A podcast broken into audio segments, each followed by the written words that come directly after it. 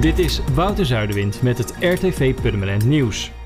Woensdagmiddag heeft de politie een wietplantage ontdekt in een woning aan de Nijlstraat.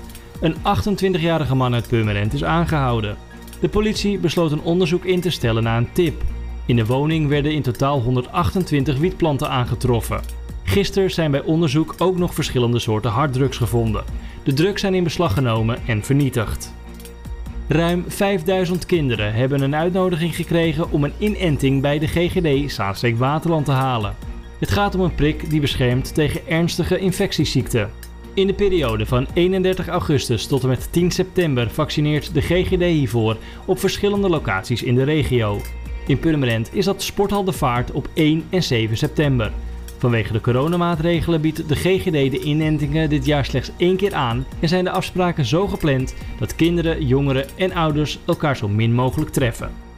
En wijkagent Ron Bruinsma heeft op Twitter een oproep gedaan of inwoners van Purmerend meer informatie hebben over drie insluipingen in panden in Purmerend die alle drie in de afgelopen week plaatsvonden.